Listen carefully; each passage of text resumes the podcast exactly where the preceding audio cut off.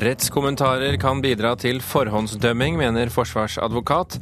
Ikke verre enn vanlig journalistikk, svarer Aftenposten. Tidligere leder i AKP ML innrømmer at de støttet feil regimer og plaget politiske motstandere. Pål Steigan er ute med ny bok.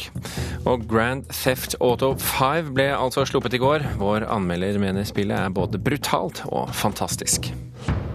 Du hører på Kulturnytt med Birger Kolsrud Jåsund i studio.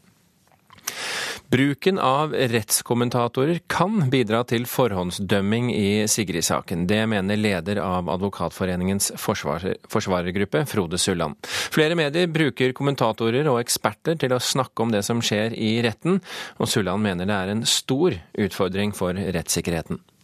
Problemet er når de går inn og vurderer bevisene og trekker slutninger om uh, hvem som er troverdig og hvem som ikke er troverdig, og hva retten nå må legge til grunn på de ulike stadiene i saken. I går starta rettssaka mot 38-åringen som er tiltalt for å ha drept 16 år gamle Sigrid Giskegjerde Skjetne. Mediedekninga er omfattende, og på utsida av sal 250 i Oslo tingrett står eksperter og rettskommentatorer som forteller seere, lesere og lyttere om det som skjer inne i retten. Det er all grunn til å være bekymret bekymret for det samspillet som eh, lett blir mellom mediene og rettsapparatet i slike eh, omfattende saker. Mannen som er tiltalt nekter for å ha drept Sigrid. Det gir rettskommentatorene ekstra grunn til å være varsomme, mener Sulland. Det er eh, slik at man har krav på å bli ansett uskyldig inntil det motsatte er bevist. Og da skal ikke mediene gjennom sine kommentatorer tråkker på denne retten. Det er veldig lett at eh, både offentlighet og domstolene selv tror jeg kan la seg påvirke av slikt. Et av flere mediehus som bruker rettskommentator i dekninga av Sigrid-saka, er Aftenposten. Fordi vi tror det er en god hjelp til leseren å ha en som kan eh, trekke fram de hovedspørsmålene som har vært i retten, og som representerer erfaring og kompetanse om hva som foregår. Sier sjefredaktør i Aftenposten Hilde Haugsgjerd. Jeg tror ikke at kommentatorene og deres virksomhet eh, utgjør noe større fare for at vi skal drive forhåndsdømming enn eh, det annen form for journalistikk i og rundt en slik rettssak innebærer. Vær varsom-plakatens regler den gjelder også for kommentatoren. Og Der står det at man ikke skal forhåndsdømme. Men, eh, så det går jeg ut fra at rettskommentatorene kommer til å holde seg til. Og det er jeg ganske sikker på at de gjør, i hvert fall vår rettskommentator. Reportere her det var Eirin Årdal og Halvor Haugen.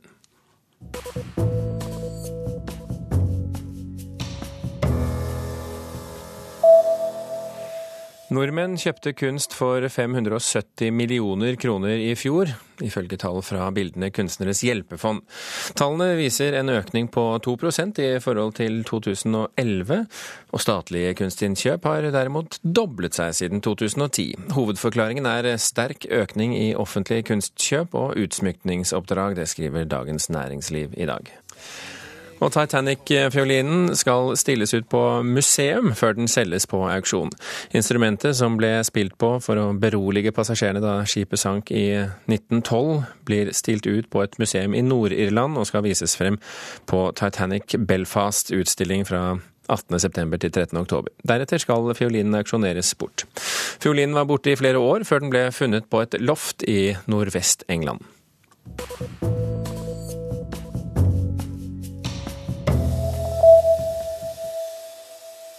Few weeks ago, I was happily sulking by my swimming pool. What do you want? Just came by to see if there's something I can help you with. I'm retired. My psychotic best friend shows up out of nowhere. Nobody tells me what I want! To torture me over mistakes I made over a decade ago. You're back in the game? I guess. Yes!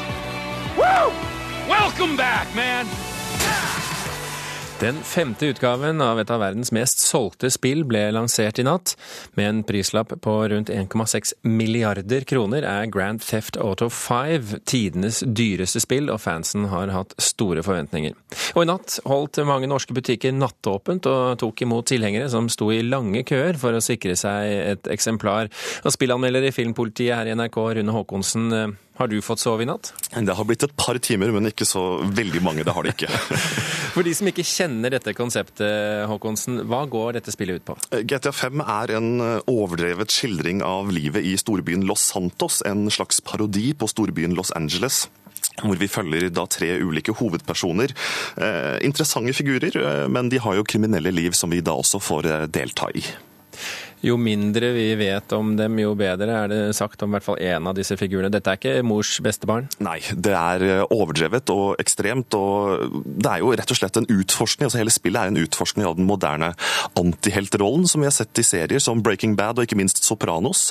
Men det er også her kanskje spillmediets egenart dytter opplevelsen inn i et helt nytt terreng, for det er jo du i rollen som da narkogalningen Trevor, eller den tidvis sympatiske gangsteren Franklin og den dysfunksjonelle rikmannskriminelle Michael som utfører alle disse handlingene du får også se.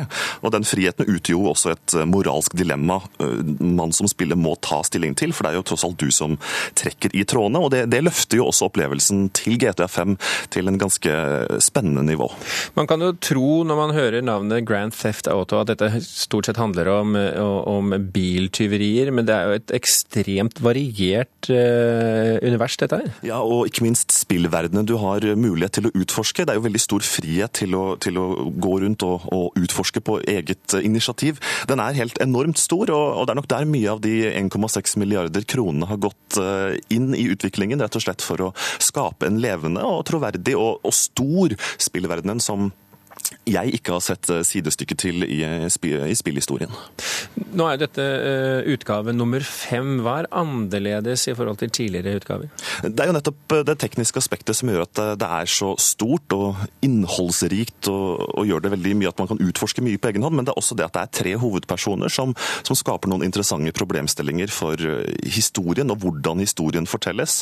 Når tre forskjellige ulike personer skal få, få oppmerksomhet, deres veier krysses, og, og du har hele tiden også kontroll over dette. Og det er en spennende utvikling sånn rent narrativt i hvordan spill velger å fortelle sin historie, som man f.eks. ikke kan se i lineære medier som film og serier. Dette jo, er jo et spill som har fått 18-årsgrense nå, fordi det jo til dels er svært voldelig og, og kontroversielt. Kommer denne utgaven også til å vekke debatt, slik tidligere utgaver har gjort? Eh, for å si det sånn, Innholdet i spillet rettferdiggjør 18-årsgrensen. Og eh, bare for å si det, det her er overhodet ikke for noen som er under 18 år. Det er brutalt, det er grafisk og det er sjokkerende til tider. Men samtidig så har spillmediet modna seg mye også de siste fem åra siden det forrige spillet kom. Da valgte jo bl.a. spillkjeden Ekspert å fjerne GTA 4 fra sine butikkhyller. Den debatten har mangla i forkant av lanseringen nå, og jeg tror ikke den kommer kommer til å komme i etterkant, rett og slett fordi også spill nå har en helt annen eh, posisjon i samfunnet. Og også sånne typer skildringer eh, blir tatt imot på en helt annen måte enn tidligere. Det at eh, teknologien har blitt så veldig avansert, og, og at det er mer og mer naturlikt det vi ser i, i, i spillet, hva gjør det med opplevelsen av vold, f.eks.? Det er overhodet ingen skal vi si, Det er ikke noe spørsmål om at dette er fiksjon, at det er en parodiert og overdrevet verden vi får delta i. så at jeg ser ingen ingen eh, problemer med den eh, skal vi si, teknologiske framskrittet, for det er fortsatt et, eh, et karikert bilde av virkeligheten vi får, også i dette spillet. Men, men, jeg må jo også da understreke at det er tidvis sjokkerende grafiske scener man blir konfrontert med. Så 18-årsgrensen er definitivt rettferdiggjort i dette tilfellet. Denne serien har jo også vært kjent for å, å ha, eller i hvert fall være spekket med populærkulturelle referanser. Hvordan er det denne gangen? Det er rett og slett en videreføring av hvordan det har vært tidligere. Og, og, nettopp serier som Breaking Bad og Sopranos får jo direkte nikk fra, fra, fra spillhistorien i GTA 5, hvor man møter eh, arketyper av de personene vi har sett i disse seriene, men også på plan som musikk og radiostasjoner og det den visuelle popkulturen som omgir hele spillbyen, har også fått en ganske markant plass. Men, men jeg ser veldig tydelig de referansene til ja, ja, spesielt Breaking Bad, da, som, mm. som er en, en tydelig inspirasjonskilde her. Rune Håkonsen, prøv å få deg litt søvn i natt også, da. Jeg skal prøve. Ja, takk, takk for at du var med i Kulturnytt.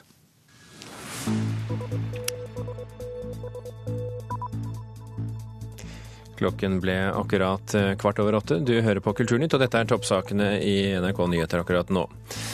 Mannen som drepte tolv mennesker på en eh, marinebase i USA i går, var sikkerhetsklarert og hadde lovlig adgang til basen. Og I dag møter en syklist i retten tiltalt for uaktsomt drap etter en svært spesiell trafikkulykke i Oslo i oktober i fjor. Og Mot slutten av sendingen skal du få høre om forfattere på Kapittelfestivalen i Stavanger som skriver personlige brev som i morgen kommer i postkassen til 107 personer i byen. Vi drev med en utskjelling av andre som ikke lignet noen ting, sier tidligere leder for AKP ML, Pål Steigan. Den omstridte politikeren har gitt ut bok om det indre livet i kommunistpartiet på 60-, 70- og 80-tallet. At man var uenig, var noe greit. Uenig må man jo være. Men uh, det var en utskjelling som ikke ligner noen ting. Uh, og det var en uh, dogmatisme som ikke ligner noen ting. Vi var forferdelig unge, naturligvis. Det sier Pål Steigan, tidligere leder for kommunistpartiet AKP-ML. Han har skrevet boken 'En folkefiende om det indre livet i Arbeidernes kommunistparti' på 60-, 70- og 80-tallet. Da Steigan var en av landets mest omstridte politikere. Vi trodde at vi var verdensmestere, at vi skulle forandre verden på noen få år. Men eh, så noe av det får skrives på den kappen. Men uansett, det var jo en del folk eh, ble jo plaga av dette. Eh, og det er jo veldig leit. Eh, og naturligvis, vi støtta folk vi ikke burde ha støtta, sånn som Pol Pot i Kambodsja og sånne saker som det der. Det var masse vi ikke visste, og så trodde vi lot vi som vi visste. Og trodde vi visste mer enn vi visste. Partiet som startet som en kulturbevegelse med mange medlemmer fra kunst- og kulturlivet, hadde en indre kodeks om å stå samlet utad. Og Steigan innrømmer at de var for strenge mot hverandre og resten av venstresiden i norsk politikk. For dette var jo en veldig tett gruppe, så, og vi hadde gjort en slags eh, pakt om at vi ikke skulle ta motsetningene oss imellom ut og samle oppslutning om det, men ta det innad. Ideen bak det var at vi ikke skulle oppleve samme skjebne som eh, ML-partier i Tyskland, Sverige, Danmark, eh, USA, Canada osv. Hvor hver enkelt leder liksom satte opp sitt flagg og så samla sin menighet bak det flagget.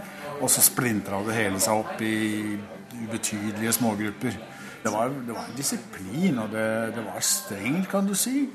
Eh, nå tror jeg nok også mange syns at de så poenget med den strengheten. Eh, Trond Øgrim og jeg pleide å si at organisasjonen er fattigmannskapital. Altså Vi hadde ikke penger, vi hadde ikke posisjoner, vi var unge. Hvordan skulle vi kompensere for det? Jo, ved å organisere oss og handle etter ei linje. Men allikevel, i det lange løp så tok det på. Og, og, mange har jo tatt opp det tidligere. Jeg bare sier at ok, jeg var øverste sjef, uansett hva jeg måtte ha ment eller ikke ment, så er dette mitt ansvar.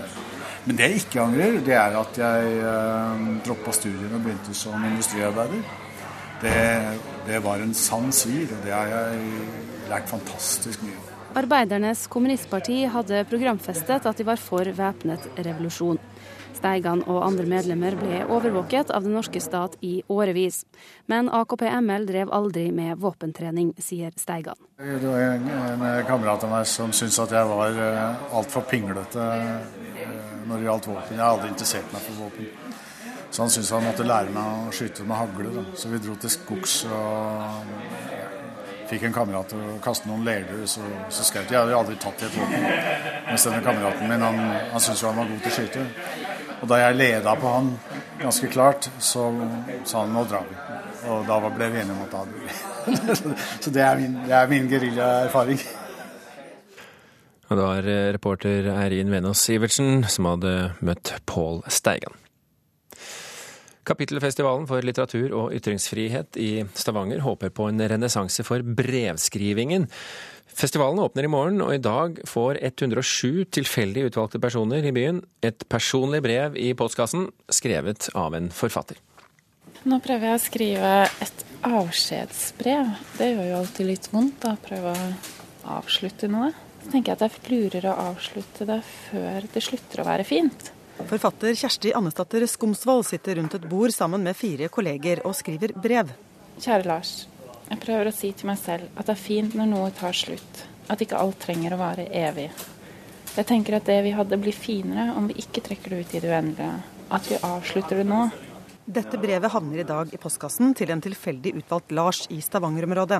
Det han ikke vet, hvis han da ikke har hørt denne reportasjen, er at Kjersti, som har skrevet under brevet, er en anerkjent forfatter, og at hun skriver på oppdrag fra Kapittelfestivalen for litteratur og ytringsfrihet, ledet av Espen Røstbakk. Og så er det vårt ansvar å finne tilsvarende adresser til tilfeldige personer med det fornavnet i Stavanger. Som altså får et lite spontant litterært produkt i postkassa mer eller mindre som en gave.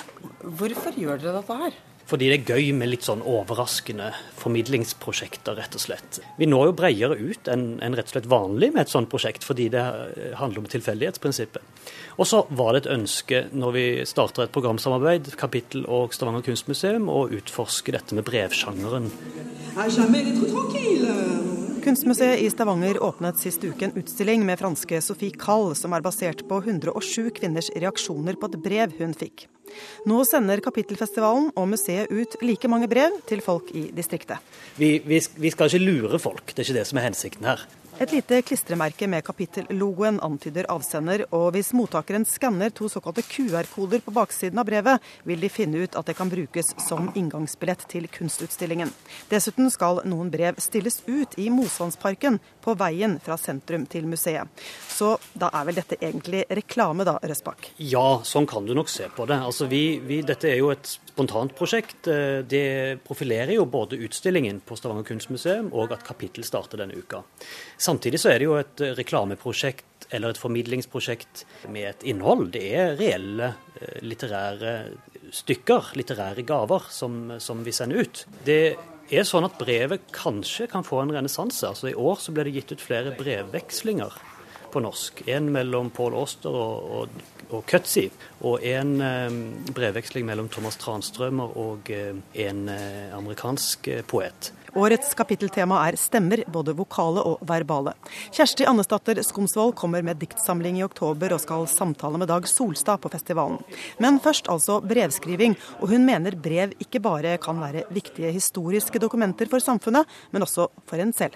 Man har jo de der brevene man fikk fra brevene sine når man er 14 år, og det er jo som å lese noe til en annen person, altså det mennesket man var for 20 år siden, og så få liksom en sånn gløtt inn til den man var den gangen. Da. Det er lenge siden jeg har sittet og skrevet brev.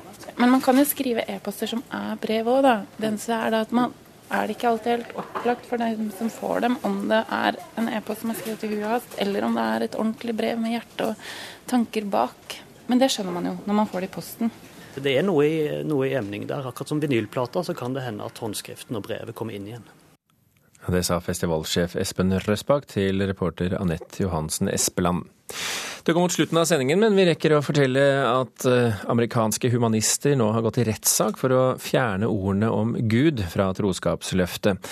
Hver morgen sverger amerikanske skoleelever troskap til nasjonen, med bl.a. setningen 'One Nation Under God'. Nå skal Høyesterett i Massachusetts avgjøre om troskapsløftet er diskriminerende overfor eh, ikke-troende, etter et foreldrepar har saksøkt delstaten. Dette skriver Vårt Land i dag. Kulturnytt er i ferd med å runde av. Denne sendingen fikk du i dag levert av eh, Vidar Sem. Hans Ole Hummelvold var teknisk ansvarlig, og i studio Birger Kolsrud Jåsund.